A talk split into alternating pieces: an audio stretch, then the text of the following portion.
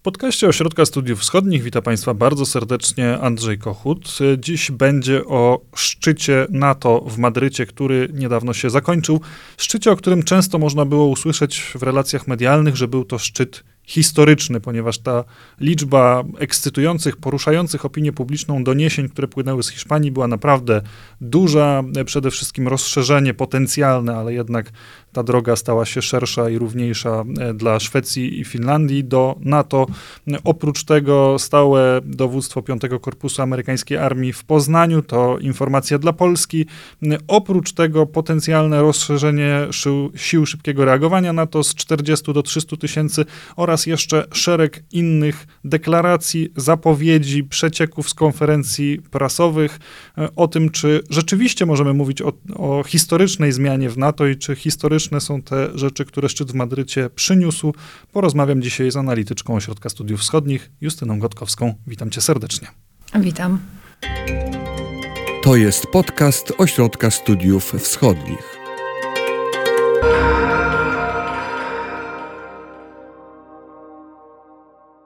To zacznijmy od tej kwestii, która dla Polski miała być najbardziej ekscytująca. Dowództwo 5 Korpusu Armii Amerykańskiej w Poznaniu ma być dowództwem stałym. To jest ważna informacja, duża zmiana dla Polski, coś z czego Polska może się cieszyć. Mm, ta decyzja e, nie jest decyzją szczytu e, w Madrycie. To e, trzeba przede wszystkim zaznaczyć.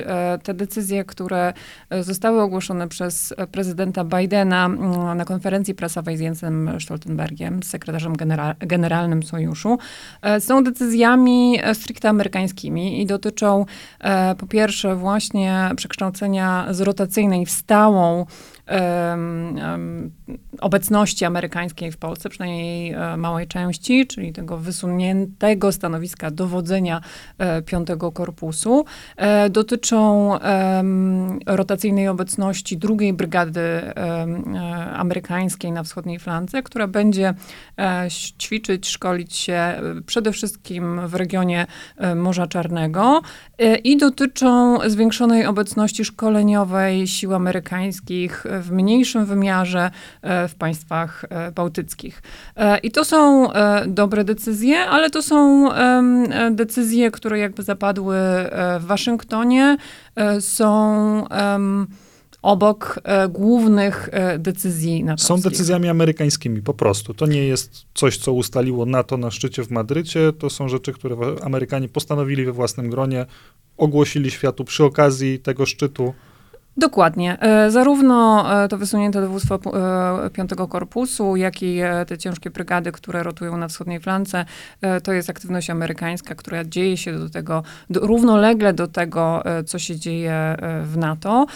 I rzeczywiście tutaj Polska, mm, oprócz tej stałej obecności Zobaczymy jeszcze ilu żołnierzy, prawdopodobnie około, około 200, ta, ta, obecność nieznacznie się zwiększy.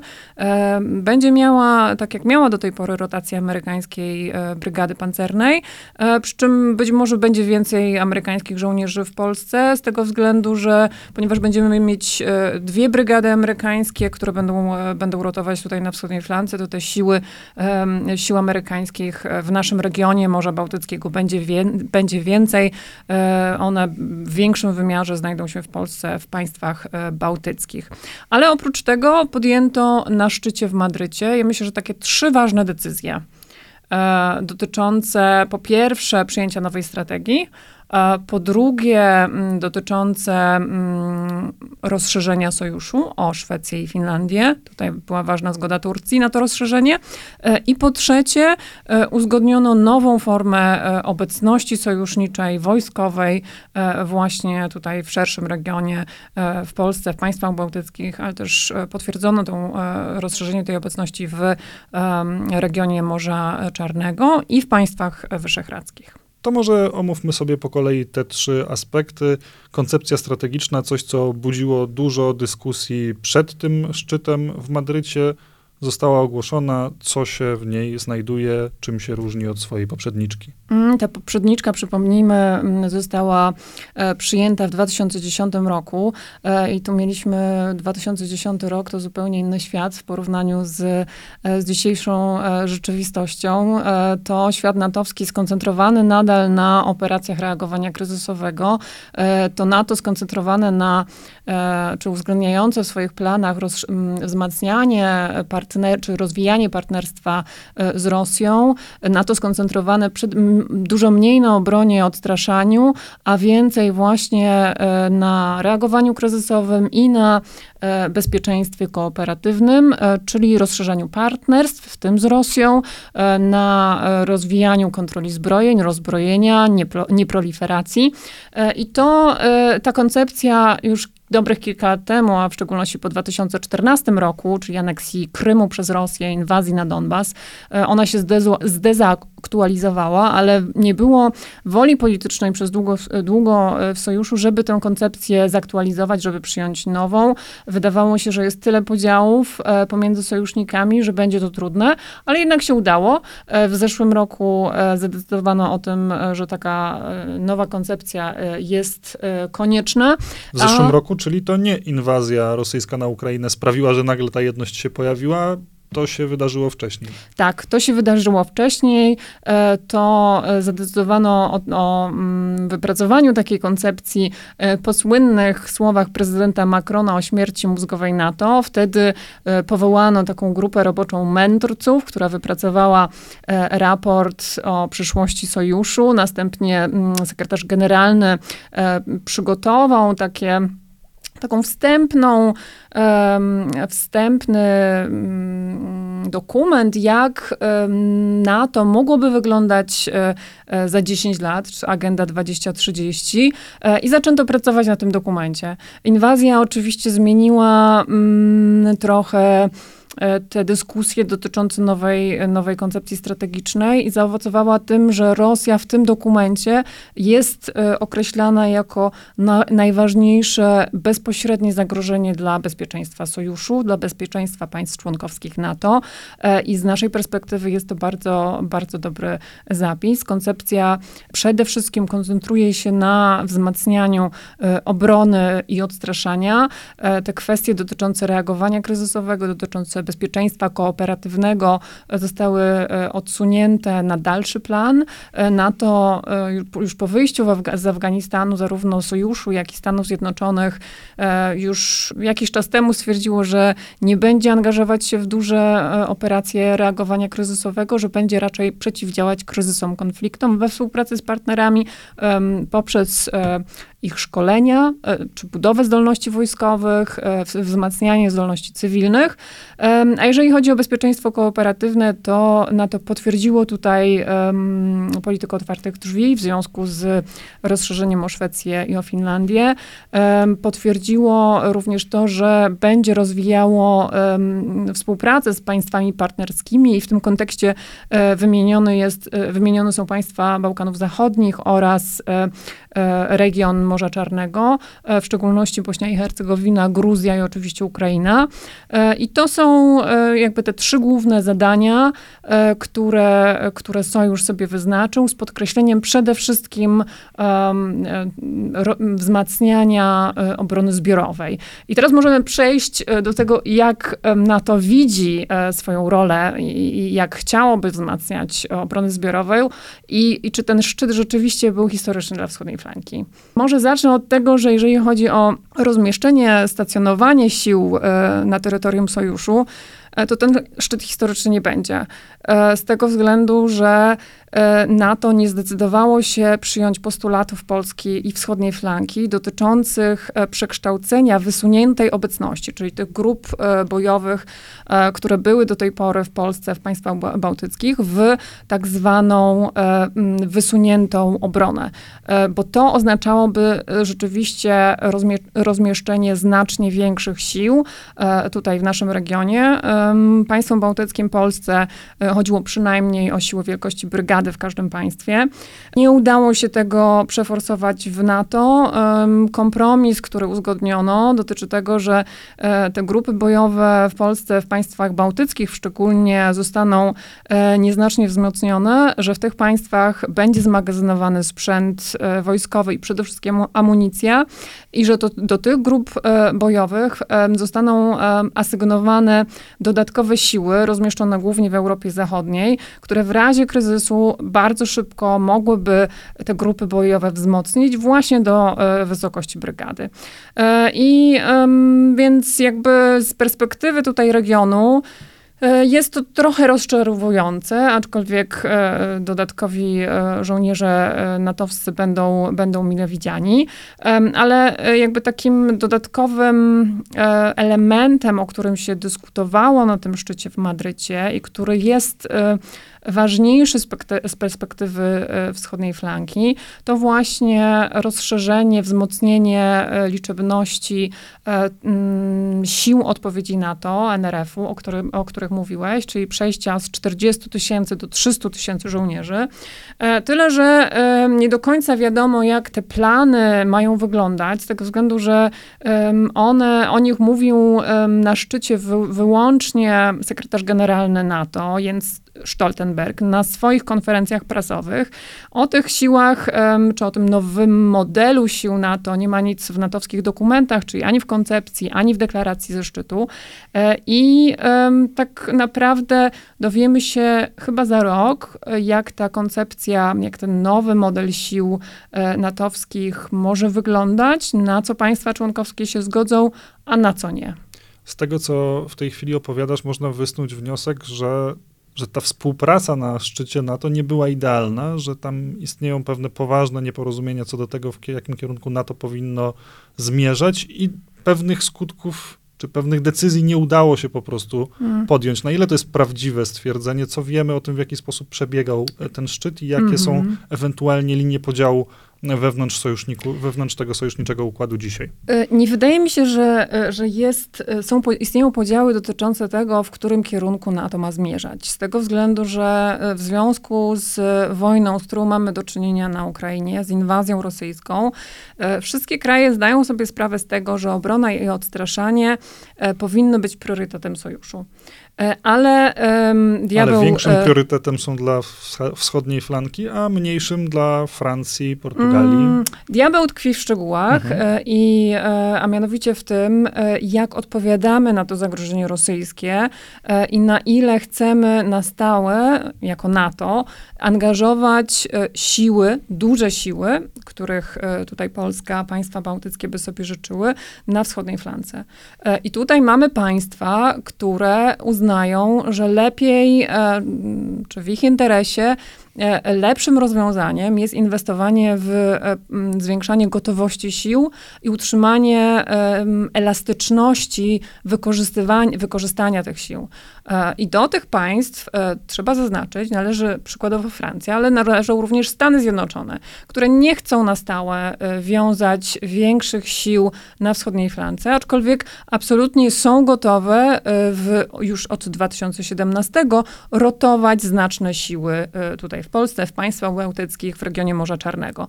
E, To są rotacje jak na razie e, sta, tak zwane stałe, ale nie są, nie jest nigdzie za- zapisane, że one, e, na tej, że te siły na tej wschodniej, na wschodniej flance zostaną przez najbliższe 5-10 lat. E, To zależy wyłącznie od decyzji Stanów e, Zjednoczonych. No ale E, tak, ale przez długi czas opierało się to na takim tłumaczeniu, które wypływało zawsze przy okazji tego pytania o stałą obecność amerykańskich wojsk w Polsce, że istnieje jak stanowiący NATO Rosja, który mówi o tym, że tej stałej obecności militarnej w nowych państwach NATO, tych państwach, które dołączyły po upadku Związku Radzieckiego, po prostu być nie powinno. W Mhm. sytuacji obecnej ten akt pomiędzy NATO i Rosją chyba już można odesłać do lamusa i czy to nie zmienia sytuacji w jakiś istotny Mm, sposób? Ja myślę, że t- o tym akt stanowiący NATO Rosja nie został wspomniany w, żadnej, e, w żadnym z dokumentów, ani w koncepcji e, strategicznej NATO, ani w deklaracji ze szczytu. E, jednak nie wszystkie państwa e, zgadzają się, żeby ten akt e, stanowiący ze strony NATO po prostu wyrzucić do kosza, tudzież wypowiedzieć. To też jest taka pewna polityczna deklaracja, a nie prawnie wiążąca umowa. I część państw NATO chce trzymać się tego aktu albo nie chce z niego rezygnować, ponieważ myślę, że w perspektywie, w perspektywie kilku, kilkunastu lat na podstawie tego aktu możemy wrócić, czy mogliby, NATO mogłoby wrócić do e, um, rozwijania czy utrzymania partnerskich w miarę relacji z Rosją. E, I z tego względu nie ma politycznej e, woli e, czy, czy zgody na to, żeby ten akt stanowiący wyrzucić do kosza. Ale jest zgoda na to, żeby nie trzymać się już ograniczeń tego aktu, czyli żeby na wschodniej flance stacjonowały większe siły niż jest to dozwolone jakby w tym dokumencie.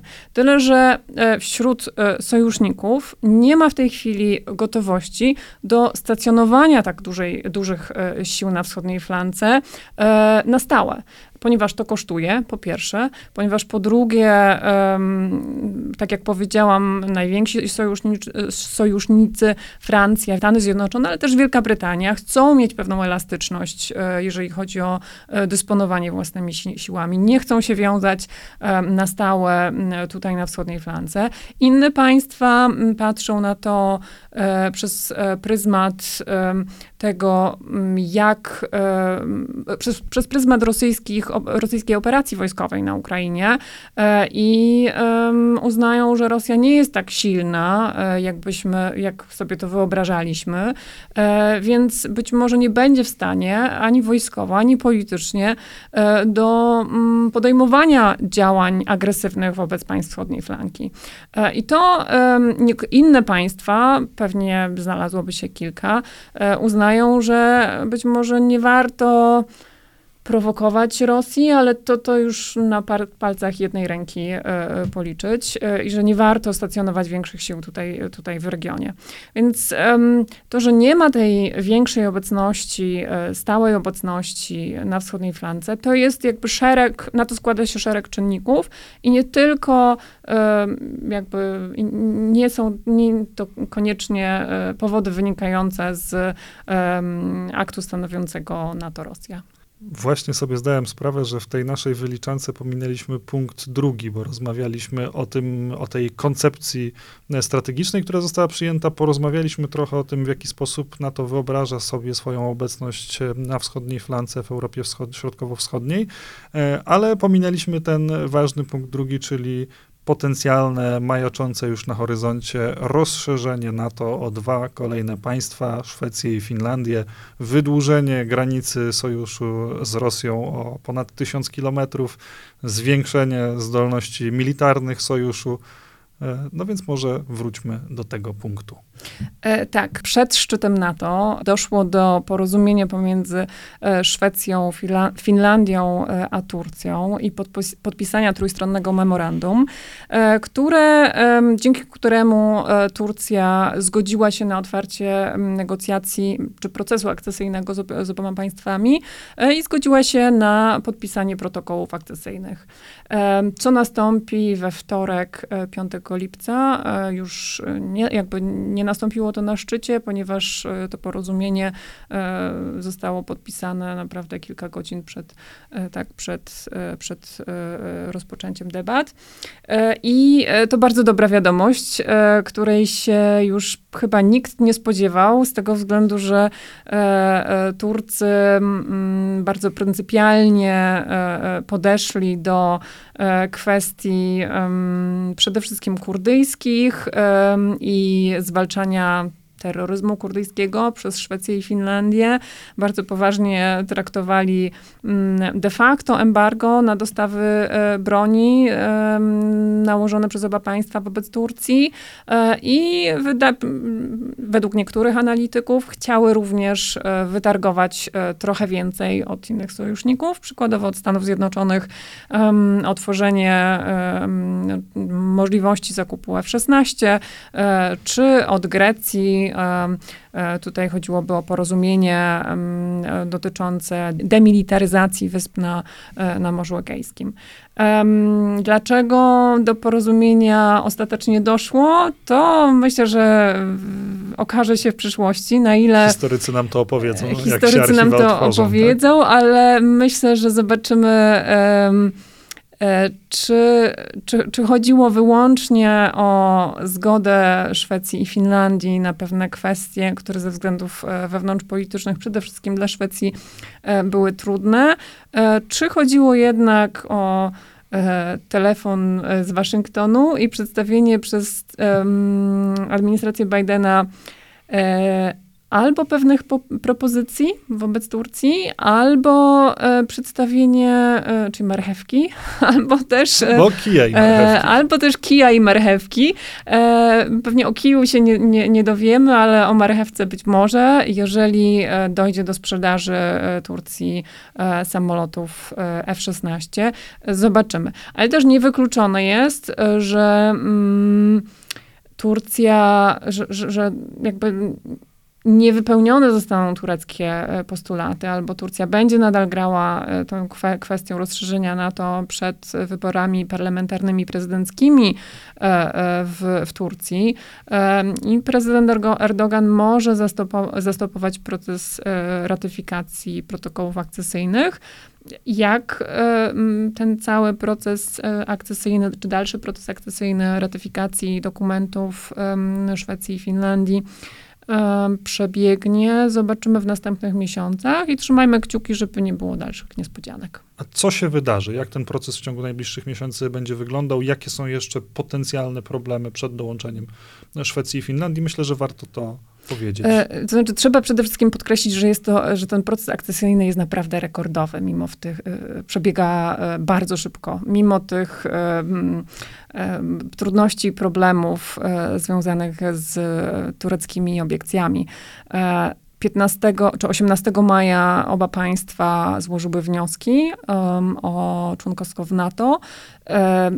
W końcem czerwca E, mamy zgodę na, e, na przystąpienie, czy na rozpoczęcie e, całego procesu akcesyjnego. Teoretycznie powinniśmy mieć jeszcze jakiś czas na negocjacje akcesyjne z oboma państwami, ale widać w sojuszu jest zgoda na to, że takich negocjacji absolutnie nie potrzebujemy, ponieważ już za kilka dni, czyli 5 lipca, zostaną podpisane protokoły akcesyjne, czyli de facto jako wieńczące e, teoretycznie negocjacje obu państw sojuszem. E, I te protokoły akcesyjne w tej chwili po podpisaniu będą musiały zostać ratyfikowane przez e, wszystkie państwa członkowskie sojuszu. I ta ratyfikacja przebiega różnie, mm, różnie w różnych państwach. Większość państw, w szczególności tutaj naszego regionu, Europy Zachodniej, zobowiązała się do tego, żeby ten proces ratyfikacyjny E, przeprowadzić jak najszybciej, e, ale zobaczymy, e, jak on przebiegnie w innych państwach i w szczególności właśnie w Turcji. Bo tam właśnie na poziomie parlamentu również mogą się pojawić, pojawić jakiegoś rodzaju obstrukcja. No rozumiem. może pojawić się, jeżeli prezydent Erdogan uzna, że nie dostał jednak tego, co mu obiecano, E, lub e, czuje, że mógłby wykorzystać tę kwestię do pewnych wewnątrzpolitycznych rozgrywek, może blokować e, ratyfikację krajową tych, tych protokołów. I tutaj ten proces akcesyjny może się trochę wydłużyć. Ale bądźmy dobrej myśli i tego, że Amerykanie zaproponowali wysunęli taką propozycję nie do odrzucenia e, i że Szwecja i Finlandia e, szybko staną się członkami NATO. Na to wskazywałaby ta zmiana zdania prezydenta Erdoana po wielu tygodniach stawiania oporu za 5, 12 jednak zgodził się, by Szwecja i Finlandia e, do sojuszu dołączyły i to chyba należy traktować jako optymistyczny sygnał. Bardzo Ci dziękuję za dzisiejszą rozmowę. Justyna Gotkowska, analityczka Ośrodka Studiów Wschodnich, dzisiaj ze mną w podcaście. Dziękuję. Państwa jak zwykle zachęcam do śledzenia naszych podcastów, do śledzenia naszych produkcji wideo na platformie YouTube oraz oczywiście czytania wszelkich analiz i komentarzy o środkach, które pojawiają się regularnie, niemal codziennie na naszej stronie internetowej. Dziękuję i do usłyszenia. Wysłuchali Państwo podcastu Ośrodka Studiów Wschodnich. Więcej nagrań można znaleźć na stronie www.osw.waw.pl.